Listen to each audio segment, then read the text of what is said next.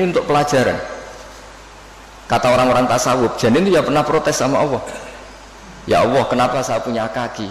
Memangnya untuk apa? Karena dia di kandungan ibu, masih di rahim. Untuk apa punya kaki? Wong saya tidak perlu jalan-jalan. Untuk apa punya tangan? Tapi setelah lahir baru tahu gunanya kaki sama tangan. Nanti mati juga gitu. Artinya zaman kita hidup sendiri itu tidak bisa ngelola kehidupan kita sendiri. Kita tidak bisa ngatur jantung kita, paru-paru kita, tidak bisa. Tapi gara-gara keangkuhan kita, seakan-akan ketika kita hidup itu bisa menentukan semuanya. Padahal tidak sama saja. Nah, dengan begini terus kita iman tuh gampang. Ya sudahlah paling mati seperti itulah. Saya zaman hidup ya tidak ngerti cara ngatur hidup. Toh nyatanya hidup paling pas mati juga Allah cara ngelola kehidupan kita setelah mati. Ya sudah. Makanya Allah tuh sering cerita, kalau kamu tidak percaya kenapa saya bisa mengembalikan kamu setelah mati, coba kamu berpikir, kamu anak awala kholkin no itu. Itu dari tanah dan kemudian jadi manusia. Ya sama lah setelah itu nanti jadi tanah tak jadikan manusia lagi. Masalahnya apa? Kan nggak pernah ada masalah kata Allah. Nah itu juga cara-cara menambah apa? Keimanan maksud saya.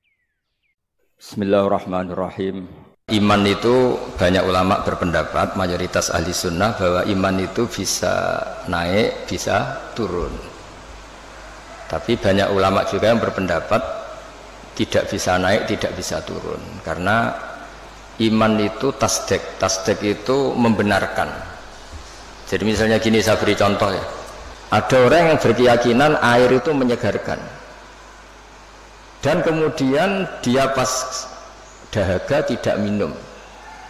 Keyakinannya benar tapi dia bodoh. Karena sudah ngerti solusinya minum kok tidak mau. Tapi imannya masih benar. Kalau nah di sini banyak ahli sunnah wal jamaah. Orang percaya kalau Allah itu Tuhan. Muhammad adalah Rasulullah wa Habibullah. Tapi dia nyuwun sewu tidak sholat. Menurut pendapat ahli sunnah wal jamaah dia tetap entah kapan tetap masuk surga. Karena dia tetap iman. Orang yang mengatakan air itu menyegarkan itu masih waras. Meskipun dia tidak memanfaatkan air itu. Orang yang mengatakan Allah itu Tuhan dan Muhammad kekasihnya masih waras meskipun tidak sholat. nah di sini makanya pendapat ahli sunnah itu gimana? Orang yang meyakini Allah itu Tuhan Rasulullah kekasihnya dan Rasulnya tetap mukmin tidak menjadi kafir meskipun harus disiksa neraka lama sekali karena tidak sholat, tidak zakat nah Nah ini penting saya utarakan di antara pembeda ahli sunnah dan tidak adalah ahli sunnah tidak pernah mengkafirkan orang yang maksiat tapi tetap do dosa. Nah sekarang begini contoh paling gampang. Koruptor itu setelah korupsi masih warga Indonesia apa enggak? Masih kan? Penjahat juga warga Indonesia enggak? Jadi orang tidak tercerabut dari warga Indonesia hanya karena korupsi. Nah, jika iman dengan makna tasdek, maka iman itu seperti tadi. Tapi iman itu masalahnya adalah di antaranya itu kalau sudah percaya itu yang ngambil konsekuensinya.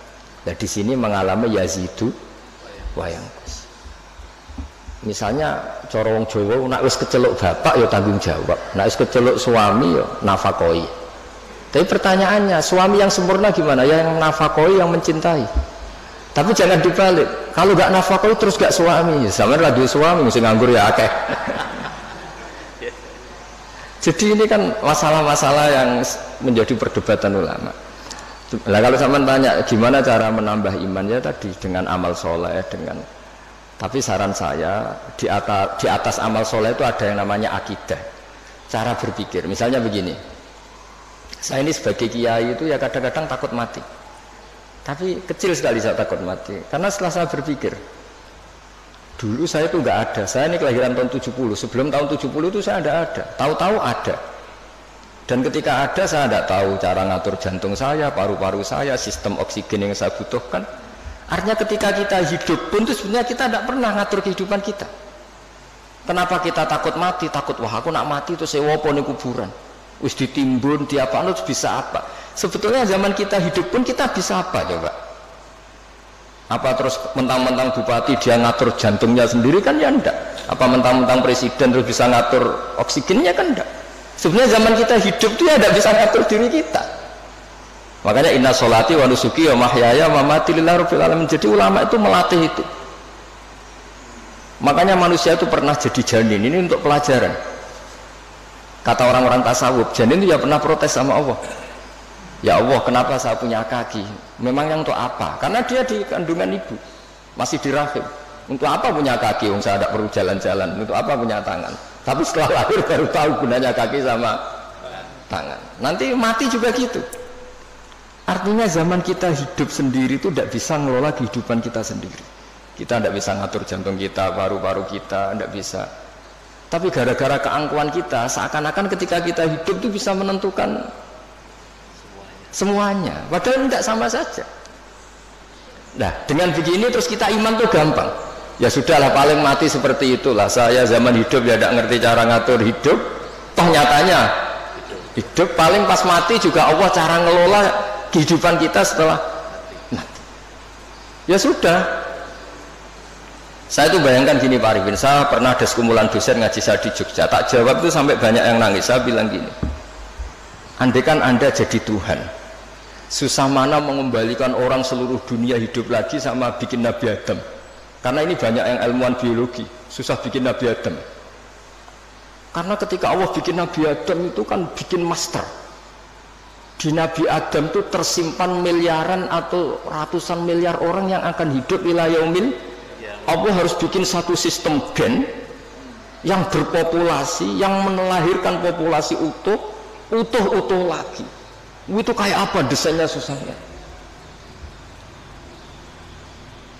Di Nabi Adam itu awal mula coba harus bikin sperma yang nanti itu jadi indukan semua sperma seluruh dunia. Jadi cara ilmuwan nak wis ana dibalekno gampang sono datane.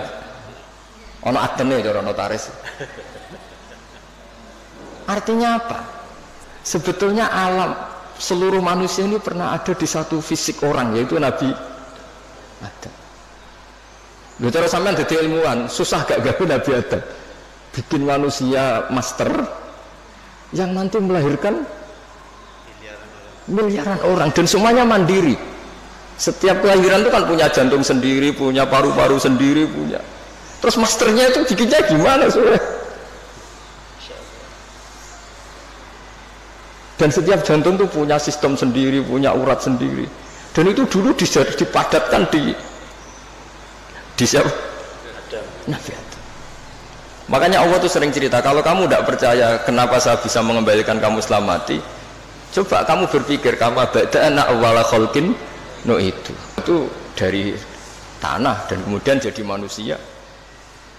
Ya sama lah setelah itu nanti jadi tanah tak jadikan manusia lagi. Masalahnya apa? Kan nggak pernah ada masalah kata Allah.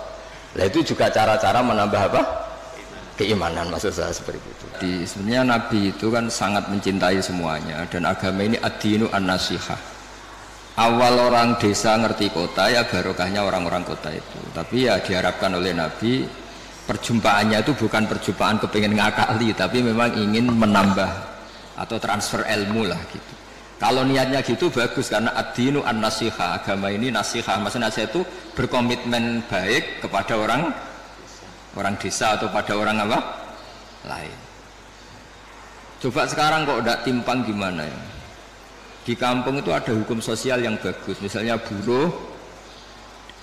Buruh itu ya buruh. Mengumpulkan uang dari kota maupun dari buruh ke orang lain supaya kuat beli tanah tetangganya yang harganya paling 20 juta 15 juta dan menangitkan kasta hidupnya tahu-tahu orang-orang kota mentang-mentang punya uang satu miliar dua miliar tanah di kampung itu sudah diborong padahal miliknya orang Gunung Kidul diborong orang nggak diapa-apain nah ini buruh-buruh kampung situ yang ingin beli hanya corong Jawa nempel hanya ngambil kaplingan saja tidak mampu karena setelah dimiliki orang kota nggak akan terjual lagi selain harganya apa? Mahal. Jadi itu dulu kalau zaman Sayyidina Umar ada orang beli tanah luas kok nggak digunakan. Itu disita oleh negara. harus dipaksa digunakan atau dipinjamkan atau apalah yang penting tetap apa? Manfaat. Jadi kalau sampean tanya gimana supaya perdagangan itu jalan? Ya tadi yang terpelajar ini kalau ngajak wong desa ya niati ya tadi ya transfer ilmu, transfer peradaban bukan malah ngakali tadi. Sama cari di hadis Sahih Muslim itu ada itu bab itu jelas ada nah Rasulullah antalak birruban. Ada teks bagian bentuknya ngendikan la yabi hadirun libadin.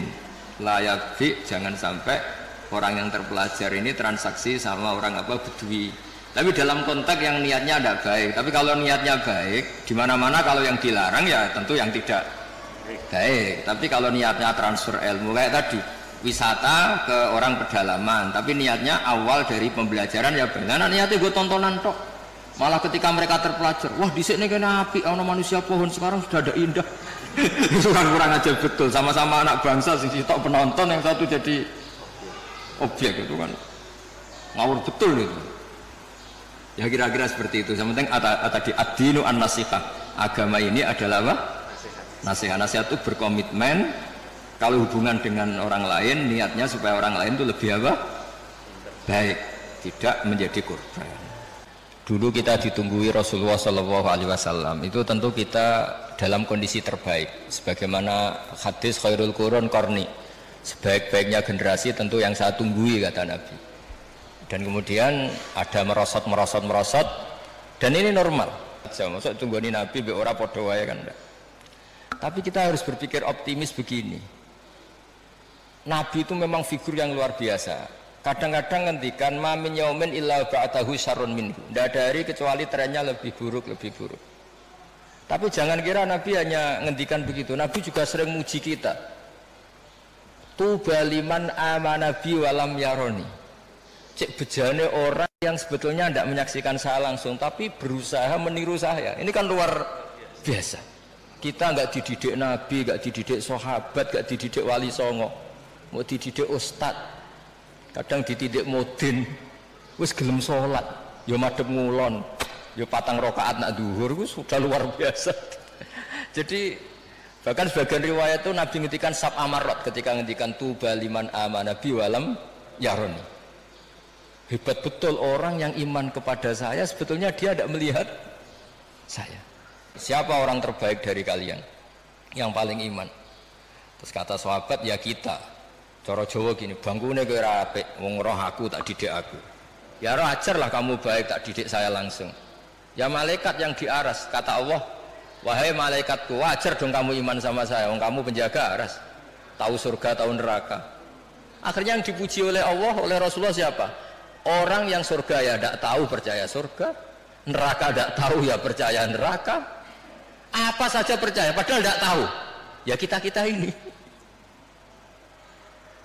Jadi nanti kalau kita ketemu malaikat-malaikat penjaga neraka atau penjaga surga itu ya punya sisi yang kita keren. Malaikat Malik, kamu percaya ada neraka? Ya tahu lah, usaha penjaganya. Saya dulu gak tahu saja percaya saking imannya pada Rasulullah Muhammad Shallallahu Alaihi Wasallam. Artinya kita juga punya sisi top. Wong roh kok iman itu kan luar biasa. Subhanallah wa bihamdihi adada khalqi wa ridha nafsi wa zinata arshi data kalimati. Subhanallah wa bihamdihi adada khalqi wa ridha nafsi wa zinata arshi data kalimati Subhanallah wa bihamdihi adada khalqi wa ridha nafsi wa zinata arshi data kalimati. Subhanallah wa bihamdihi adada khalqi wa ridha nafsi wa zinata arshi data kalimati. Subhanallah wa bihamdihi adada khalqi wa ridha nafsi wa zinata arshi data kalimati. Subhanallah wa bihamdihi adada khalqi wa ridha nafsi wa zinata arshi data kalimati Subhanallah wa bihamdihi adada khalqi wa ridha nafsi wa zinata arshi data kalimati